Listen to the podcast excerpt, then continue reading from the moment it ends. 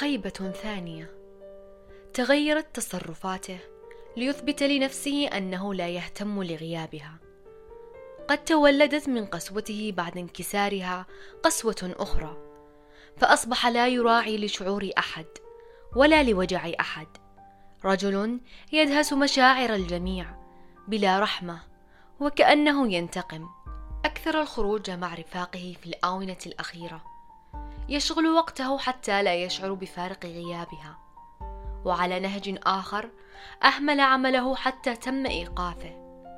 بات مشوشا بأفكار سلبية ويود الدخول في أي علاقة تصادف طريقه ليثبت لنفسه أنه لا يزال بمقدوره أن يحب. كان يستهدف وقوع كل أنثى في شباكه ليشعر بالقوة. يسهر على أصواتهم وضحكاتهم وينوم على غفلته وتسهر هي على أمل أن يعود وتنام على خيبة. تحول لشخص لا يشبهه رجل به خواء وبرود وتشتت وضياع وضجر ورائحة كريهة بسبب التدخين. رجل محاط بالسذاجة والغرور تجرد من أحاسيس الصدق والوفاء. يعتقد أنه من الذكاء إخفاء ما يشعر به عن الآخرين دون أن يعلم أنه ضحية ذلك الاعتقاد. فنحن لا نحتاج لكل هذه المشقة حتى نظهر عكس ما نشعر به. فهذا أمر منهك حقا أن تقاوم وتكابر حتى لا تسقط أمامهم وأن تتصنع ابتسامة تخفي أوجاعك. هل إرضاء البشر يحتاج لكل هذا التصنع والكبرياء؟ أم أننا نعشق دائما الوقوف على الهاوية؟ خوفا وعلى شفا حفرة من السقوط نكابر. هلعا من أن يكون الاصطدام مدويا بأصوات الألم المزعجة؟ فنختار التعلق بحبال الغرور ورفعة النفس والعزف على أوتار الوجع لنتراقص أمام من أراد أن يرانا مكسورا. حتى يليق بنا السقوط ونكون مرفوعي الرأس شامخين وواقفين كالأشجار فترسخ في مخيلتنا بأننا كنا نستحق أن نخوض هذه التجربة بشجاعة وأن السقوط بقوة أفضل من الوقوف على ساق ترتجف وأن إخفاء الحزن أكرم من إظهاره لإثارة الشفقة وكتمان الشعور الصادق والتداعي باللا شعور أجمل من إظهار شعور مشوه لا يليق بنا. هكذا يرى نفسه. أنه عندما يشتكي يصبح مثيرا للشفقة أو ربما يخاف أن تصبح مشاعره مبتذلة ويراه أصدقاؤه ضعيفا. لذلك فضل الاحتفاظ لنفسه بشحنة الانفعالات والأحاسيس المتناقضة وكان هذا خطأه الفادح الذي عاش به. يعتقد أن الرجل لا يحق له أن يبكي فقط لأنه رجل. وأن الرجل يجب أن يكون صلبا لا يشكي إلا مرضه. كان يجب عليه أن يعدم تلك الاعتقادات من رأسه ويدفنها في مقبرة الجهل ونصب عزائها. ما كان البكاء يوما ملكية للمرأة فقط. فمن الطبيعي أنه عندما تحتمل أشياء أكبر من طاقتك ستشفق عليك عيناك بالبكاء. لابد أن تهجر جزءا من مبادئك الخاطئة. حتى تتساقط كأوراق الأشجار اليابسة من عقلك إلى الأبد. يكفي كذبا. عش وقتك كما ينبغي له أن يعاش.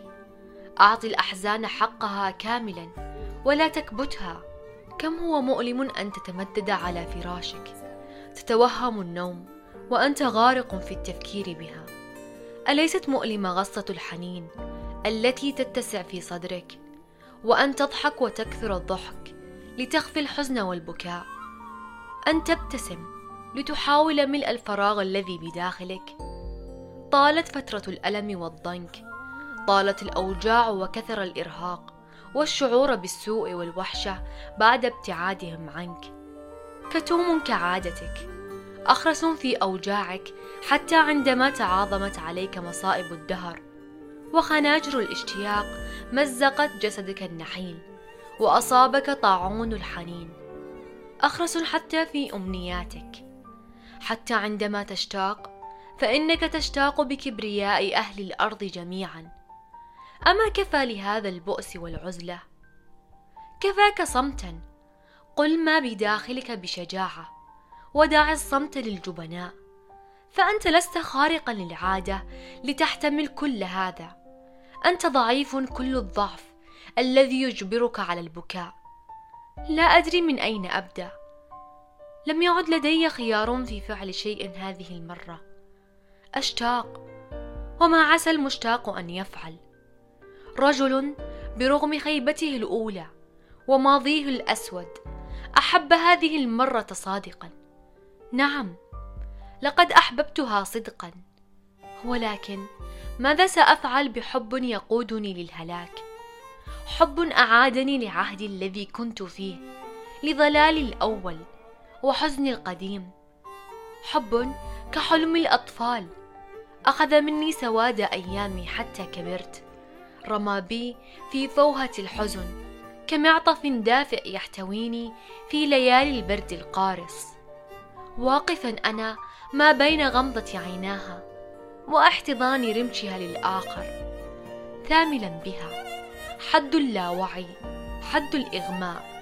بين كل نظرة والأخرى أصب كاسا تلو الآخر وأثمل أكثر فأكثر من خمر عيناها فأسقط ممتلئا بها تبا للحب لعذابه لوجعه لفرحه لجبروته لتناقضه.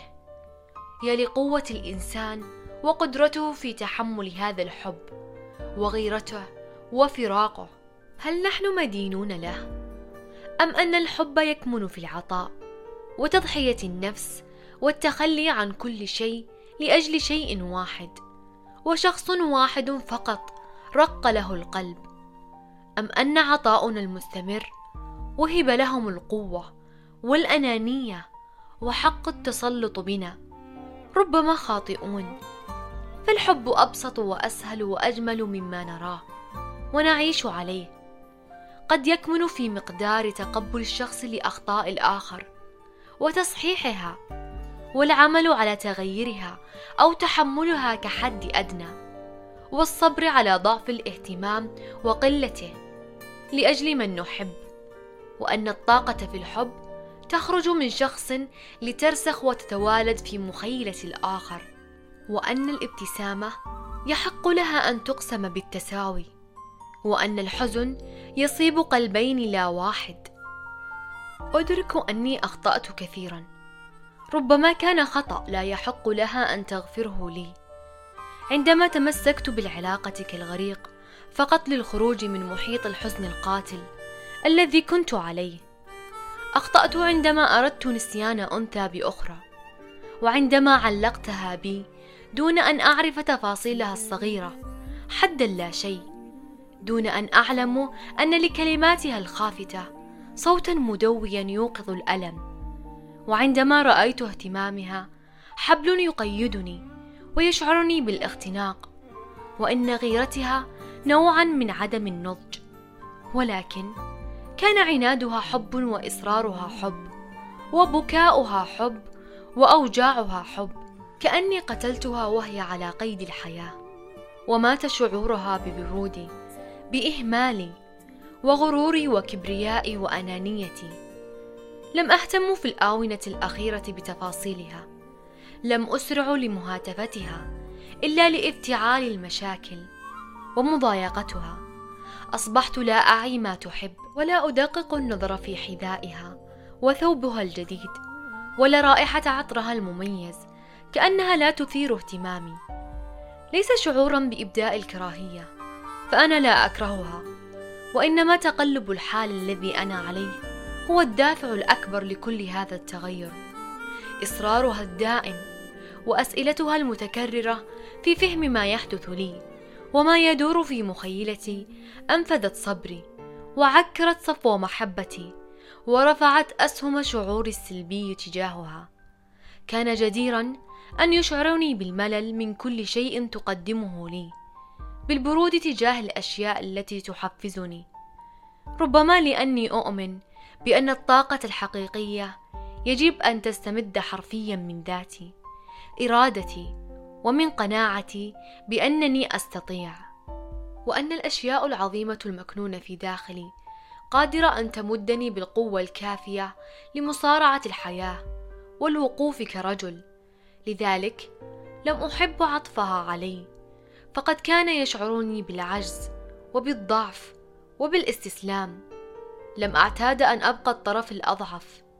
إهمالي لنفسي ولمن حولي لا يعني أني شخص لا مبالي.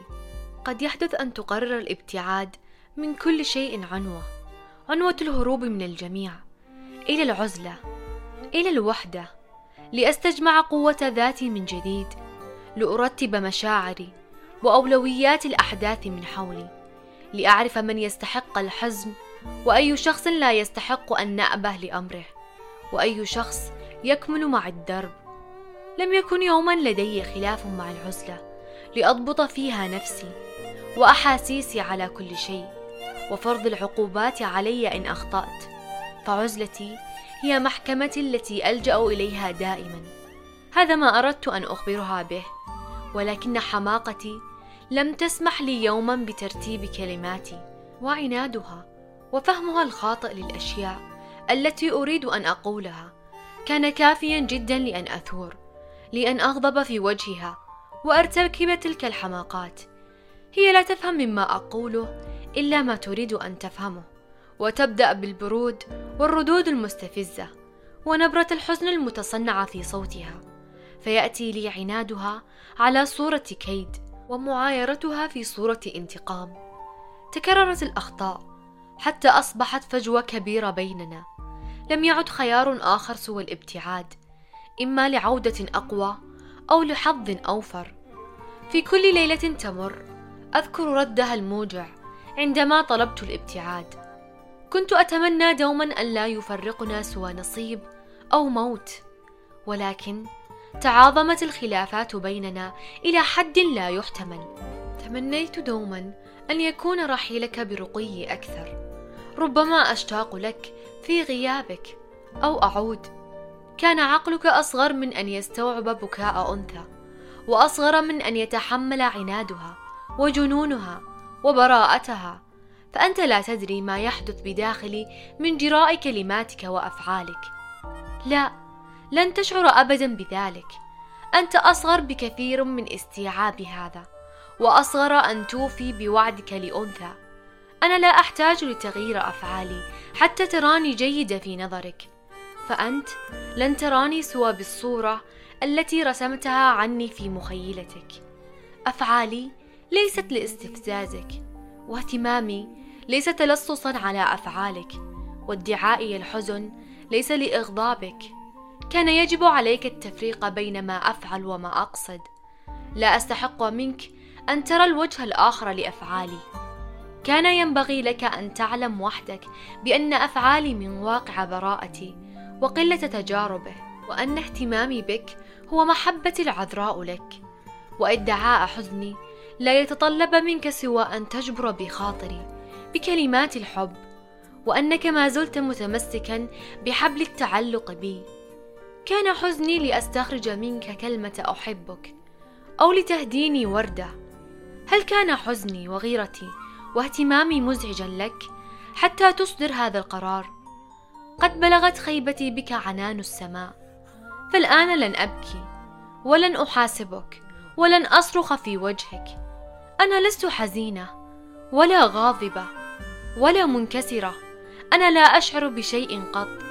افعل ما شئت فالحياة قادرة بأن تعيدك إلي ولكن أعلم بأني لن أغفر على الرغم من أني لم أكترث لهذه العبارات ولم أفسره إلا أن كلام قالته للترويح عما بداخلها من ألم.